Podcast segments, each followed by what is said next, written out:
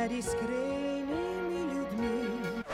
Iskreno vam povem, da me zaboli, ko slišim tega ali onega. Prejmite, prosim, iskreno uh, izraze mojega obžalovanja. Well, I think that I'm an honest person. I feel I'm an honest person. Težko je biti pameten, če sem čist iskren. To je doista bila moja iskrena želja. Iskreno hvala vam za vse, kar počnete. Kakšna lepa zgodba, iskrene čestitke.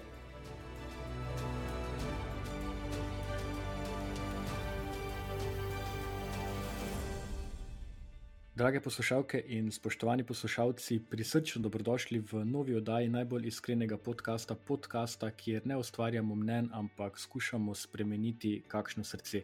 Moje ime je Dušan Poslek in danes v moji družbi gostim, um, na nek način lahko celo rečem, kolega, ustvarjalca podkastov, predvsem pa moža, s katerim bi se lahko spustila v zares, zares veliko tem, ki se tičejo od družine, odnosov, zakoncev, izzivov v življenju, preizkušenj, pričevanj in tako naprej.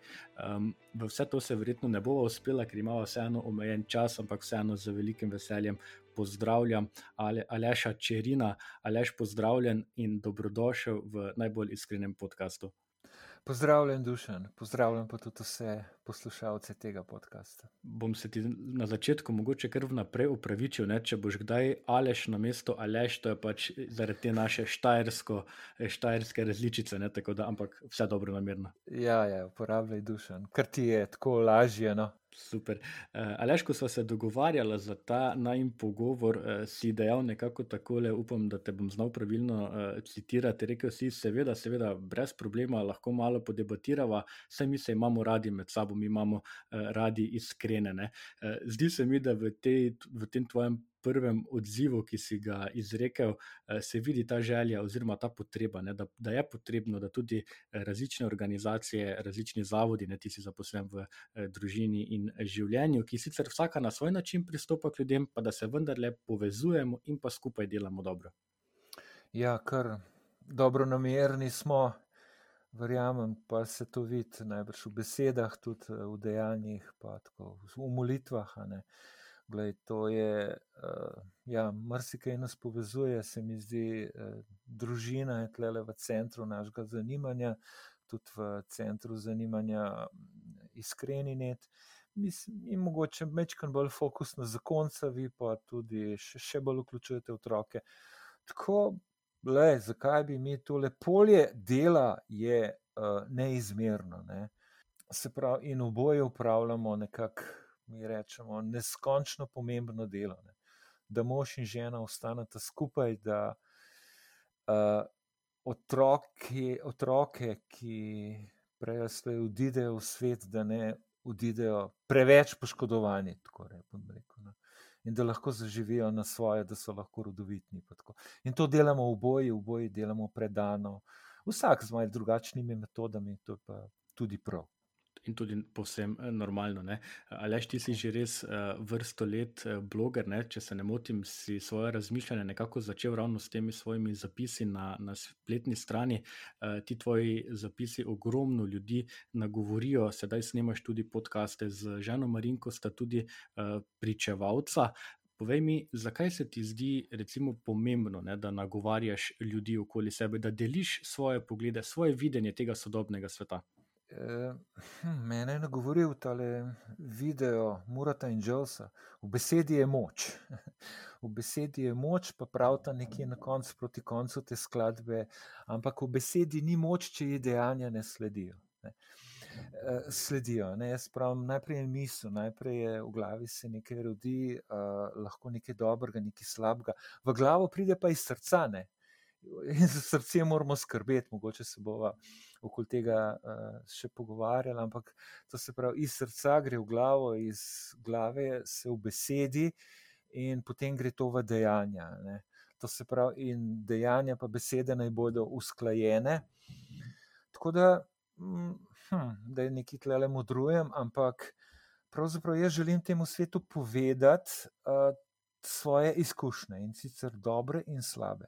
Mislim, da je, da je v, v tem svetu premalo tega, no, da starci delimo modrosti, recimo, ali pa kaj, no, zdaj tako le se poveličujem. Ampak nekaj, do česar smo prišli, no, pravzaprav nekaj, do česar nas je Bog pripeljal, kar nas je Bog naučil, da je o tem govoriti, da je govoriti na široko.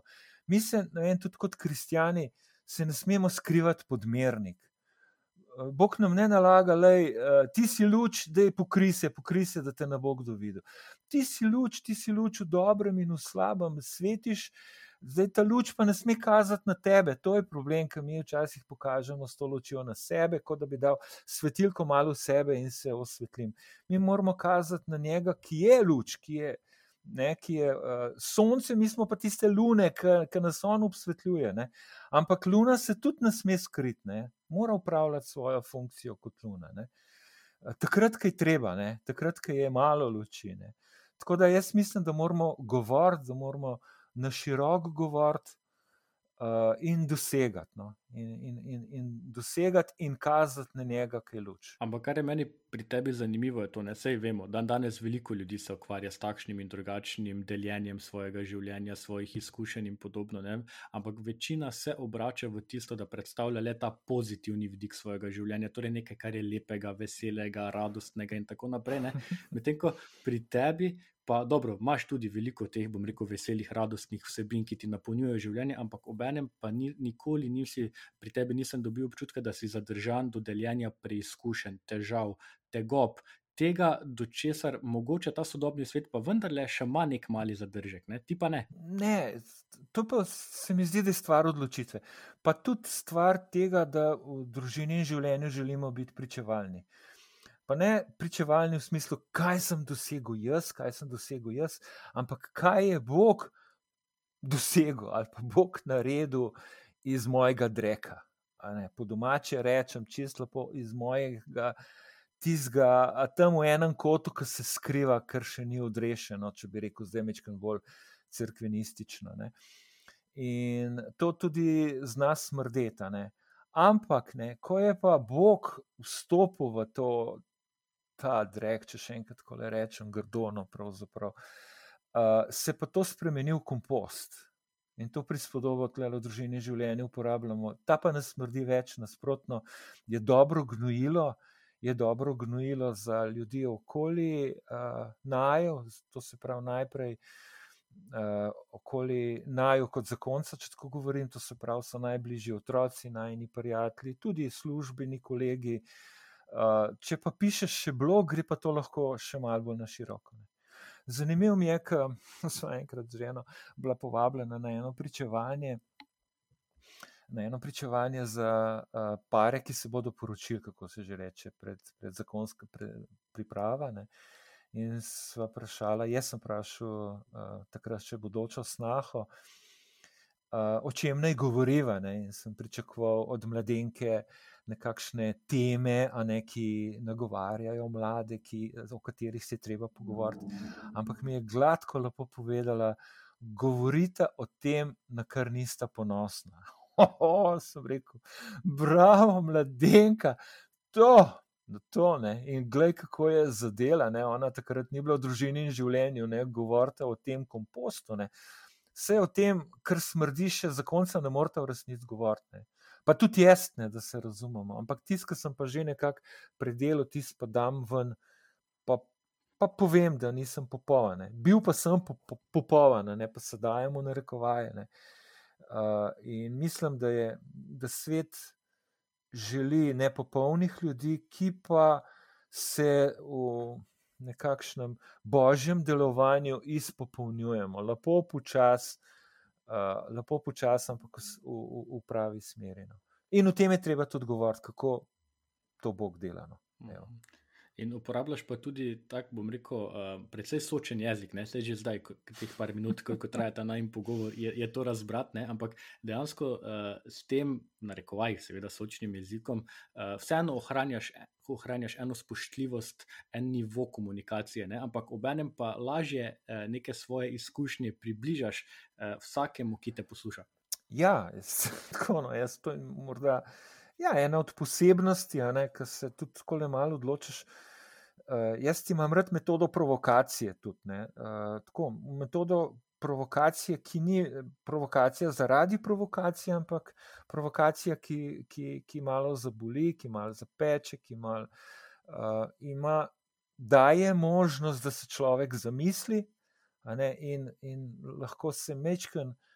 Uh, obrne, če, če rečem po crkven, crkveno, spreobrne, ne, ne, da malo se zapele uh, človek lahko v drugo smer.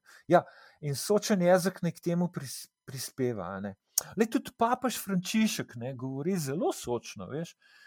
Glej, kako je v radosti ljubezni mož napisal. Ne nekako nimam citata zdaj le pred seboj, ampak pravi, šele strastna in slastna, aj strast, slast na ljubezen. Ko govorijo o erotiki med možem in ženo, ne, je prispodoba odnosa med Bogom in človekom. Pa kjer papež je že to rekel, Ama ne vem, kaj še morda, ampak ne vem.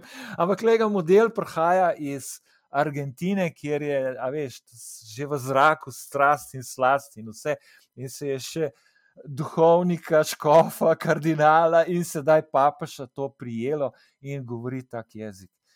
In, in lej, vse to je v nas in strast, slast, vse to je od Boga dano. Zakam, za kjer ukvir pa? Ja, za ukvir zakona, za ukvir zakona, ki ga je tudi Bog dal. Ampak, Aleš, ja, Lepo je to slišati, ne? strast, slast. Ne? Vsi to vemo in to znotraj uh, za, zakonskih zidov ali pa v odnosu med nami z ženo, to veva. Ne? Ampak ja. pričevati, govoriti o tem, ne? da je najmanj zakon strast, da je najmanj zakon slasten, ne? To pa je že eno področje, prek, oziroma rekel, ena stopnička, na katero pa ne upa veliko ljudi stopiti. Ja, sej, sej ja, veš, spomnim se tiste pesmi od Istoka Mlakarja, od teh reči pa ni prav govoriti, tako malo prav v crklanskem narečju. Uh, in dejansko ni, ni, ni da bi ti uh, dogodivščine iz uh, zakonske postle nosil na blok ali pa kamorkoli. Lahko pa govorimo, da je prav, da je strast in slast. Ne? In lahko tudi uh, nekako govorimo o tem, kako pripela do tega, kako tako, se to so, ne tehnično, a ne pa tako naprej, ampak z vsem tem, kar nam je Bog dal na razpolago. Uh, pa ta strast in slast, veš, se počasi tudi vidi na obrazih zakoncev. No, Enkrat sem je nekdo rekel, ne. Uh, nam celo zgodbo. A veš, na naših obrazih se vidi, v zakonu je strast in slast tudi na tem področju, in tudi na drugih uh, področjih. In mislim, da moramo mi to strastno uh, tudi delovati, veš, kot kristijani. Z eno, mogoče pod crkveno, spet gorečnostjo, ne? tako kot je uh, Blaženi Slomšek rekel. Uh, če hočeš drugega uneti, moraš sam goreti. Lej, moramo, moramo goreti, pa, pa, pa veš, pa s tistim, s tistim pravim ognom, ne, ki ne zgori, kot Mojzesov goreči grm, ki ga Bog v nas zakuri. Ne. In Bog je v nas dal tudi, uh, ja, tudi strast in slast, ki pa jo moramo udejanjati tam, kjer treba, ne pa za uh, v samoti svoje kamrice za računalnikom, pa uh, v samoti svoje pisarne s sodelavko in tako naprej. Tam, ki je treba. Ne. Tudi takšni pogovori, ki ga imamo mi dva danes, zagotovo primorejo uh, en korak k temu deljenju ne, tega pogleda. Uh, Prej si pa omenil uh, provokacijo, pomeni, da rad tudi s kakšno besedo malo sprovociraš. Uh, v zadnjem času se je v javnosti doživel precej buren odziv en plakat oziroma kampanja, ki je opozarjala na nasilje očetov uh, nad otroki v družini. Ne? Verjetno se ja. plakata spomniš, bil je buren odziv. Uh, zdaj, v luči te provokacije. Ne? Ta plakat bi lahko razumeli tudi kot provokacijo, lahko ga razumemo kot tudi uh, eno resno opozorilo v, za odnose, ki veljajo dan danes. Povej mi, kako si ga pa ti doživel, kaj je tebi ta plakat sporočal? Katastrofa. Katastrofa, tukaj je bila agenda zadnji uh, dobiti denar za nekaj dobrega, spotoma pa še speljamo svojo agendo promoviranja m, tako imenovane toksične moškosti. Ne? Se pravi, ti pol človeštva očrniš. Ne? To je bilo pol človeštva, približno, večkrat manj kot pol nas je. Očrniti, a veš. To se pravi, kar povprek, kot da mi nismo edinstvena bitja. In dejansko se dogaja veliko gorja, ki pa hm, ne prihaja samo z polovice človeštva, morda od te, te očrnjene, ne, toksične, pod narekovaji, polovice človeštva, prihajajo kakšne bolj morda bunke kot uh, od druge polovice, ampak ta druga polovica zna po, pa tudi uh, narediti bunke, ki ranijo tam, ki se ne vidi tokno. Tako da to, gledaj, moški danes nismo popularni ne, kot, kot polovica človeštva, nismo popularni. In če hočeš o moških danes govoriti, moraš dodati to, da, da, to, da so to toksični, veš, toksično, toksična moškost. Ne. Toksična je tudi, tudi ženskost, samo na drugačen način. Veš. Tako kot v svetem pismu imamo. Ne, v petem poglavju Efežanom, ne, ko govori o podrejanju žene možu, ne, in govori tudi o podrejanju moža ženi. Ne, ne. A veš, tako mačkam sem paralelo potegnil uh, od nečesa, kar me je zabolelo. Veš, drugačni smo, ne, drugačni smo po svoji naravi, po svoji biološkosti smo drugačni, ne enaki. Smo pa enakopravni, to nam daje pa božje dostojanstvo, stalno enakopravni in v božjih očeh enakovredni. Mi pa pravimo, da smo enaki. Le, deva mi dva zdaj legate dol, če si upaš, pa ne bova, si tako pa podcast snemava. Ne? Pa se poglejva, veš, pod gatami, ne? to se pravi, kaj je med nogami. Ne? Čist neki drugega, kot pri najnih ženah. Ne? Če bi, jaz sem kot farmaceut v analitiki delu, če bi šla na en, uh, na en hormonski ustroj analizirati, bi bil drugačen kot pri najnih ženah. Veš, in mi smo zdaj rekli, to ne velja noč, to, kar je Bog ustvaril, to ne velja noč. Ampak bom jaz preustvaril, jaz napuhnen človek, bom v svojem, a veš, temu napuhu, po tej vsemogočnosti, bom jaz preustvaril zdaj in se lahko jaz sam odločim v svoji glavi, ne, da bom negiral to, kar je Bog biološkega naredil. A veš, to je en tak. Tako velik napuh, in zdaj iz vsega tega sledi potem lahko taka, taka, taka reklama. Veš, pa, pa mi, ki se vsi ukvarjamo, pa ki vidimo, gledaj, pa iskrenih in mi zdaj le vidimo, kakšne stiske so v družinah in bi bilo v resnici veliko tega za narediti, pa noč iskati krivde, sploh pa ne v polovici človeštva. In tudi negiramo s tem, a veš, vse. Uh, Može, ki se iskreno, ne, če smo na iskrenem podkastu, trudijo, pa, pa da rečemo, kar v prvi osebi množine zobavala, po moje, ki se trudimo v svojih odnosih, v svojih družinah, uh, stopiti korake v pravo smer, v boljše odnose, v, z, z ženo, z otroki, uh, z bližnjimi, ne, z vnučki, ne, že promen. Recimo, ne. A veš, in to zdaj pa ti kar povoziš. Je pa provokacija, Sej, fajn, fajn, da je konec koncev, pa mi to zdaj razmišljamo. Ja, drži, ne, da je provokacija in se popolnoma strinjam s tem, kar si ti rekel, ne, enakopravnosti, enakovrednosti eh, v tem svojem razmišljanju. Ampak, eh, ko sem jaz recimo videl ta plakat, eh, ne samo, da se mi je zdela katastrofa v smislu tega, bom rekel, izenačevanja ali pa ne izenačevanja med moškimi in, ženski, in ženskimi nasiljem, ampak dejansko na nek način prizadela mene kot očeta prizadela je, prizadela je ravno to, da je nekdo skušal reči: Evo, vsi očetje ste enaki, vsi očetje izvajate takšno in ja. drugačno ja. nasilje nad svojimi eh, otroki.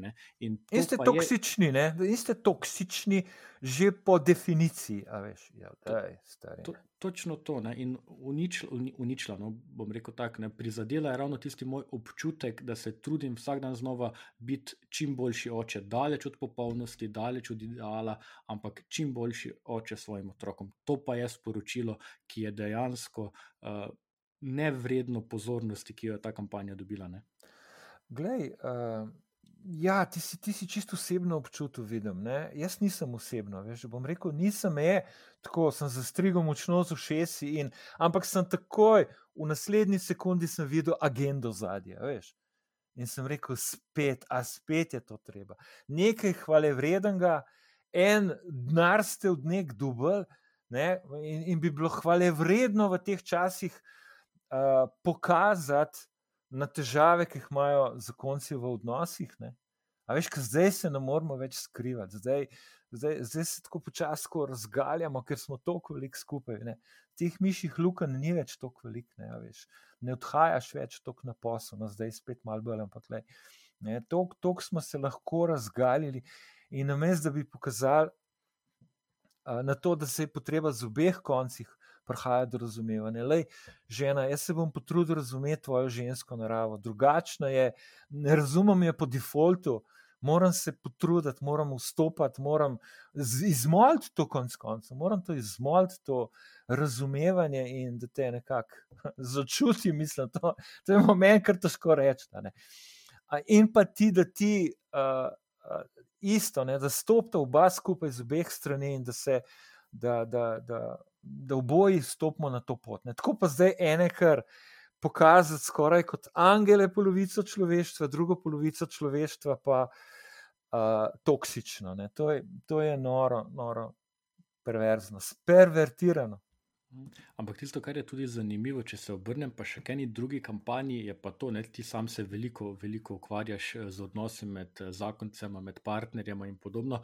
Ne vem, če si opazil še eno drugo reč. Si ne, si opazil. Sem, žena jo je, žena jo je. Ja, kar povej. Tako, tako je to reklamo, ne, da povem tudi za naše poslušalce, ki je mogoče niso opazili. Ne, ena, izmed, ena izmed podjetij ali pa ena izmed slovenskih mesnin se je pač odločila, da bo naredila kampanjo, s katero bo promovirala njihove izdelke na način, da so napisali nekaj v smislu: Moja žena, moj problem, moj žar, ni problem. Ne.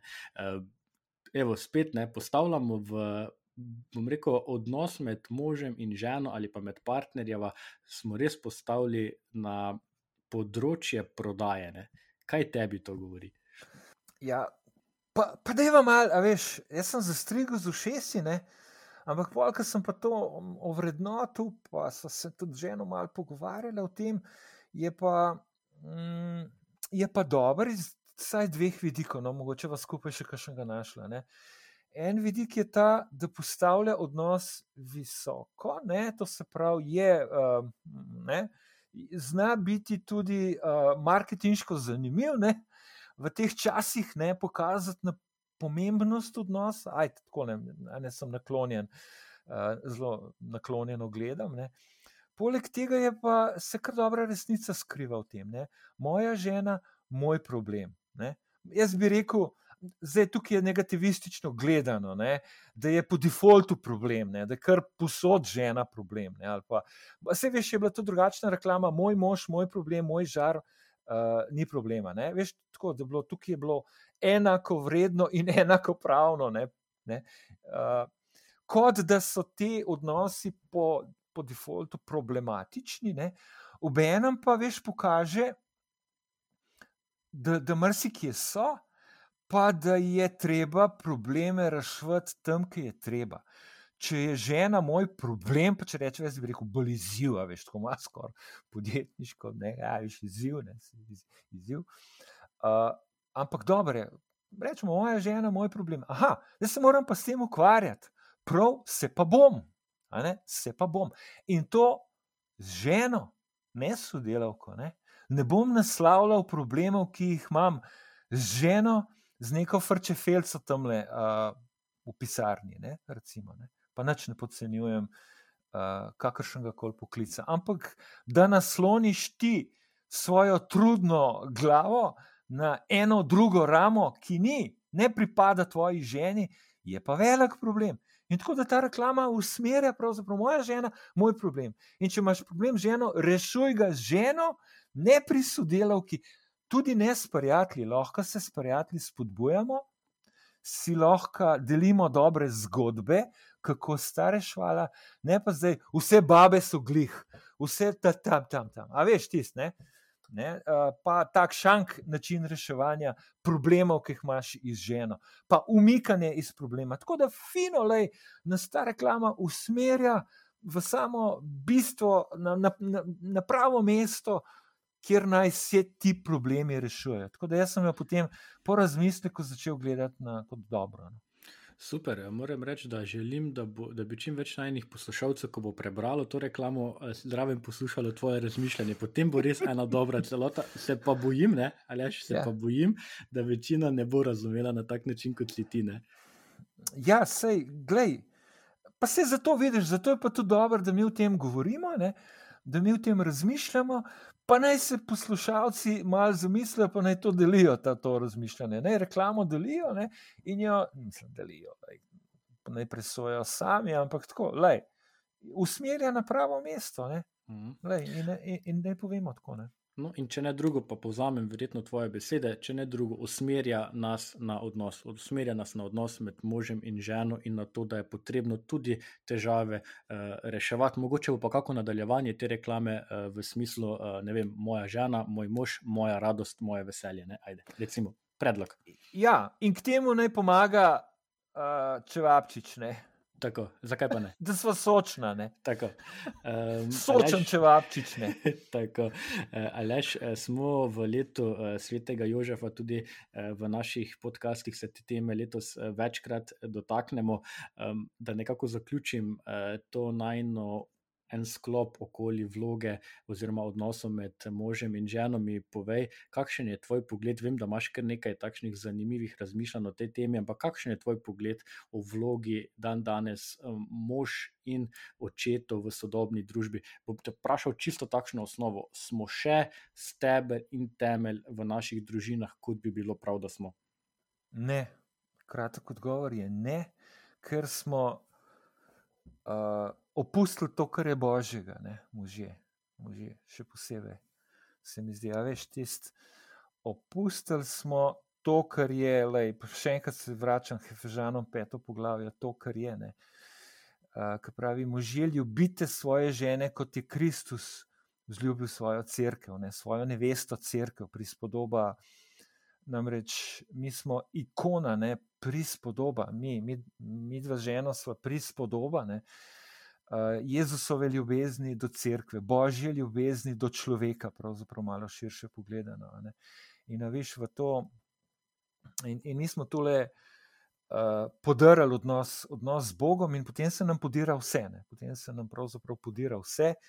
In je na robe reči, da je žena podrejena možu in da je mož podrejen ženi. In da moje telo ni moje, ampak je v žene, in da ženino telo ni njeno, ampak je moje. To, to so vse svetopisanski, uh, svetopisanski pogled na, na, na, na može in žene. Mi smo to odvrgli, zavrgli kot, kot staromodno, kot za nič. Ena besedica, ki jo niti ne razumemo dobro. Ne, in konteksta ne razumemo, niti se ne podučujemo ne, v tem smislu v odnosih, ne.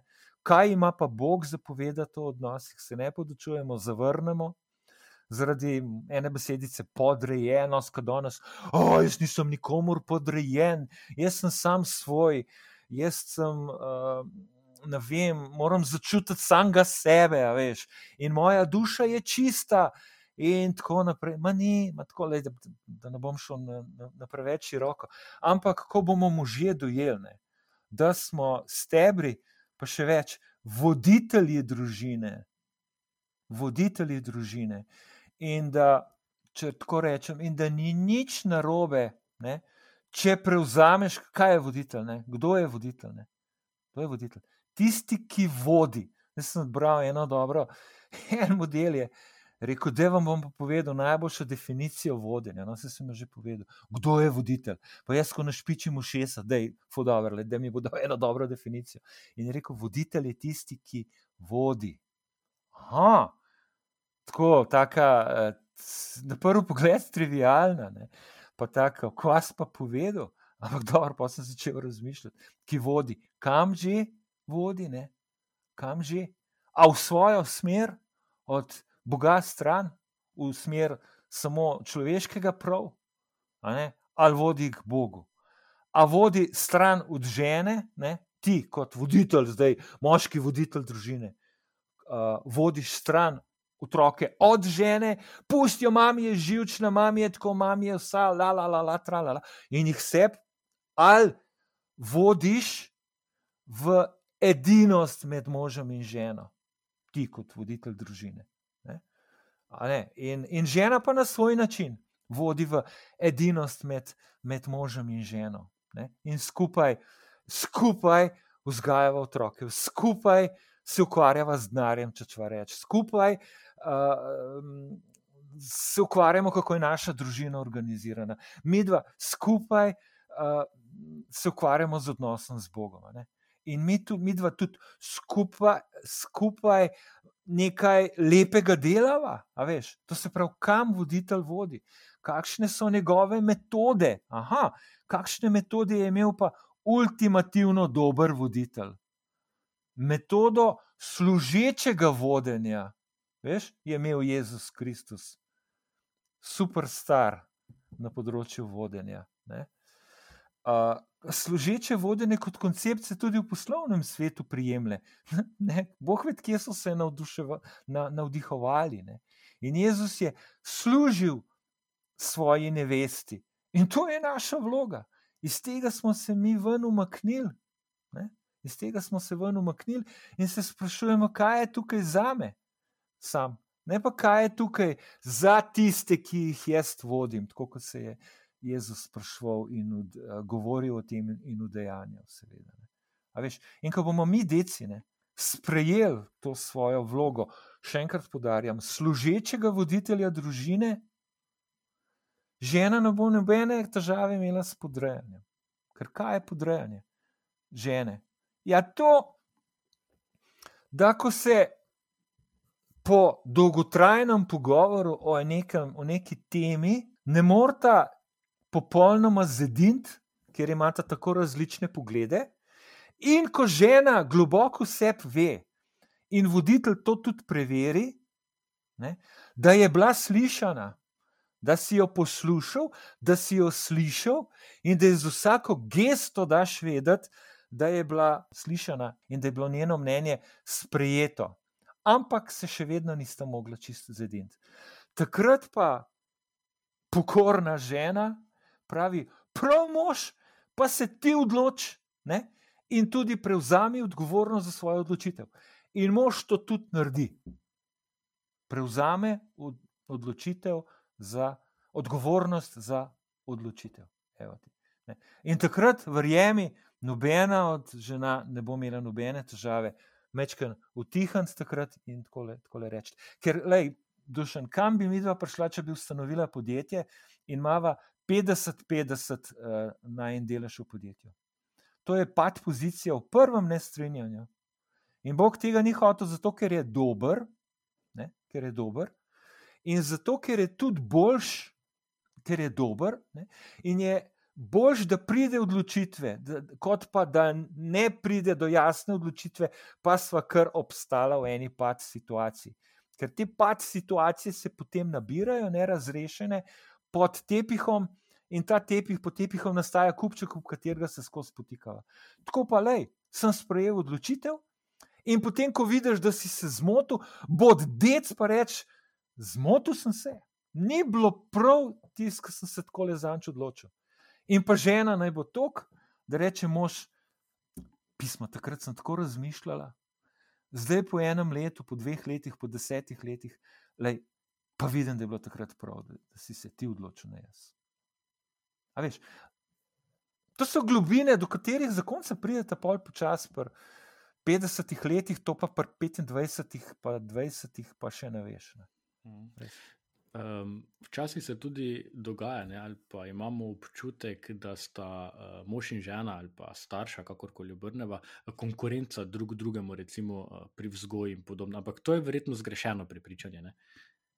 Ja, kakšna konkurenca. Uh, Pa se smo že prej govorili, da ti, žena, ti prines svoj vidik, te miline. Veš, jaz sem pre, pretrd, enkrat je žena tako lepo rekla, da ti si bil pretrd, a ne pa javno povedala. Ne?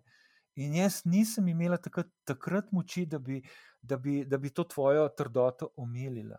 Veš, In lej, to, je, to, to je ženski način. Vse, če, imaš, če imaš še eno še eno osebo, bom zdaj rekel neutralno, ne, ki deluje na enak način kot druga oseba. Ja, kaj? Iz žene dobiš, iz ženske dobiš možačo, iz moža dobiš pa eno feminilno pokveko. A veš, in imaš dva ista načina, in, in potem daš svojim otrokom samo en način gledanja. Ali moški ali ženski, se ne govorim zdaj, le, kjer je bolj prav. Noben je bolj prav, oba sta prav. Oba sta prav in ti moraš otrokom pokazati, kako biti dober oče, ne? sinovom, recimo, ne? hčeram pokazati, hčeram pokazati uh, model Tipsona, ki ga bo ona potem iskala enkrat. In mati isto, ne? jaz pa z moškega vidika govorim, ker sem pač moški. Ne? In žena isto, ne? kako naj, uh, ne za punčke. A, a veš, In tako, no, tako da to je to. Je to no. mm, a sem kaj odgovoril, ali jaz tako ne vidim? Si, si, ampak malo smerene. Ne, ko govoriš o teh odnosih eh, in razlikah eh, med moškimi in, ženskimi, eh, med moškimi in ženskami, se spomnim enih tvojih besed, ko si enkrat rekel, da mislim, da je bilo nekako tako, da uh, moški nismo talentirani tako za odnose kot ženske in da moramo malo več delati, malo več garati. Uh, kaj to pomeni, da moramo vložiti več truda, da je ženskam bolj samoumevno, lažje v odnosih z nami? Uh, ne, ne, ne, ne, nismo talentirani. Glej, ne sprevidimo, veš.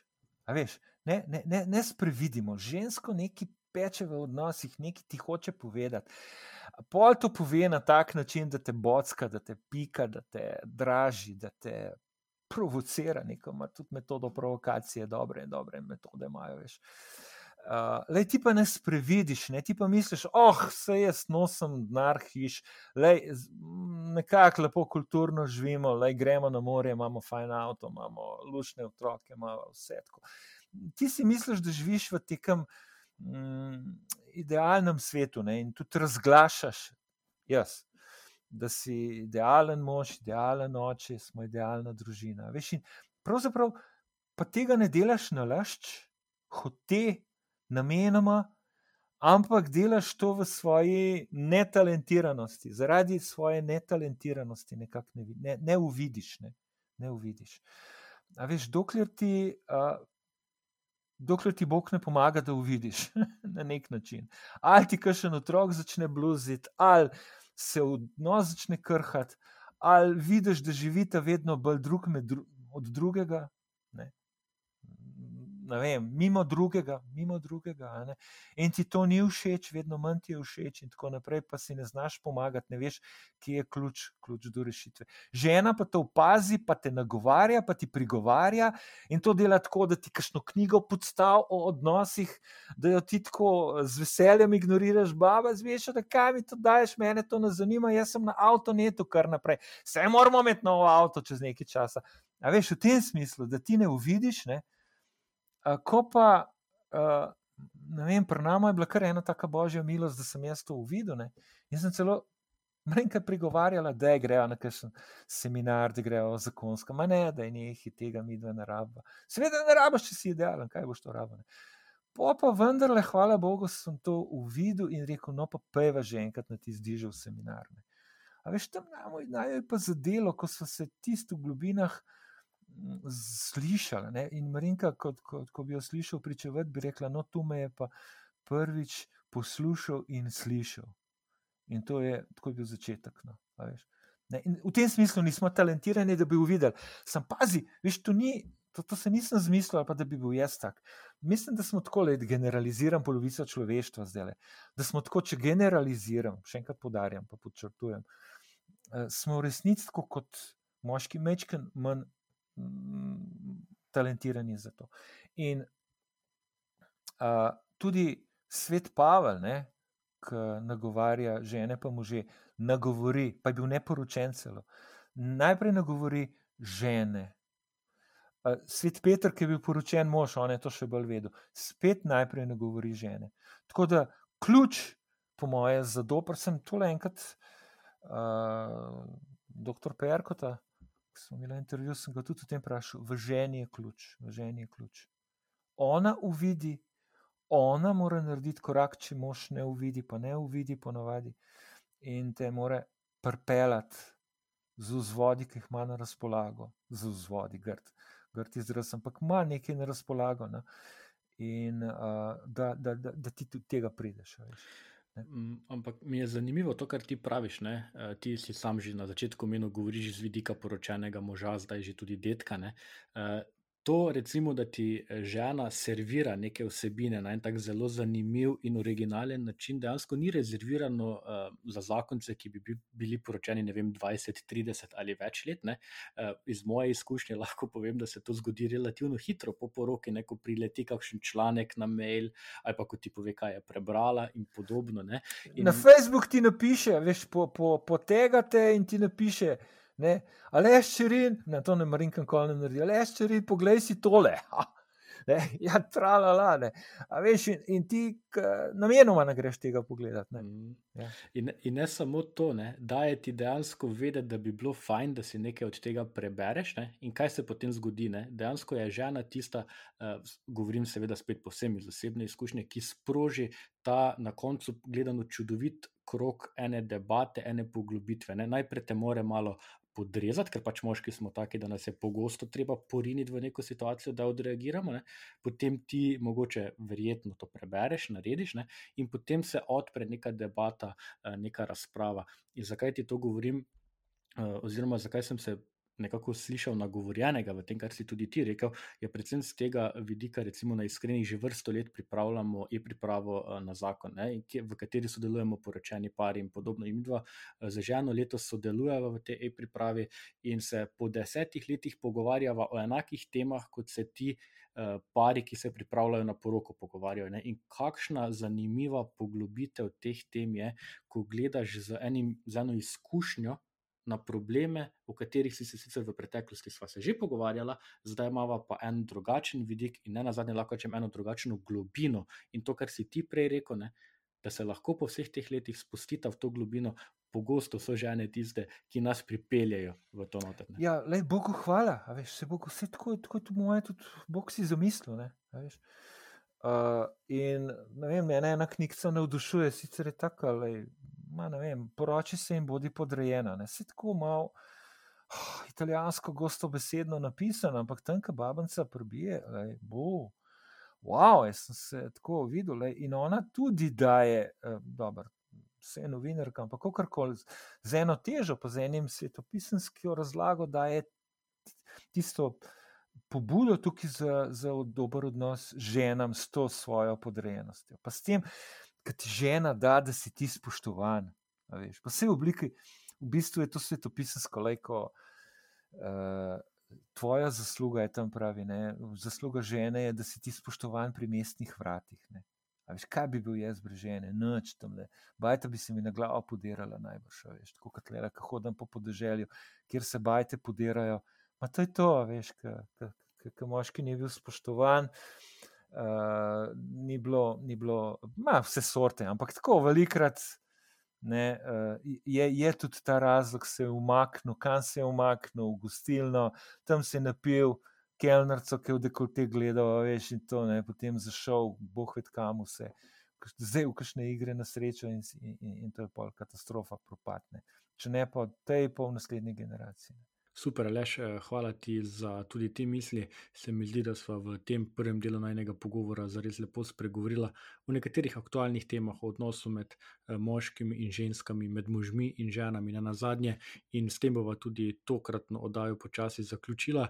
Ampak eh, brez skrbi, drage poslušalke in spoštovani poslušalci, za Lešem Čirinom pripravljava še dodatno vsebino in čez približno dva tedna vas čaka nova oddaja z istim gostom, v kateri pa bova malo več spregovorila govorila tudi o njegovi preizkušnji, o njegovi veri, o tem, kako je doživljal tisti čas, ki ga je preživel v bolnišnici, kaj vse se mu takrat uh, odvijalo, in pa tudi o njegovi vlogi očeta, detka in kako se odnosi tudi ženo.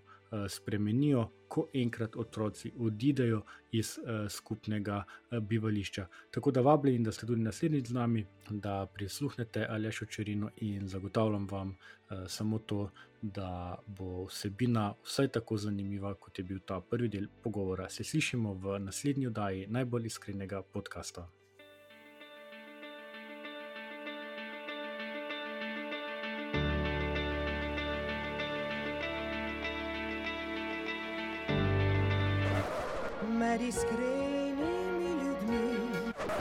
Iskreno vam povem, da me zaboli, ko slišim tega ali onega.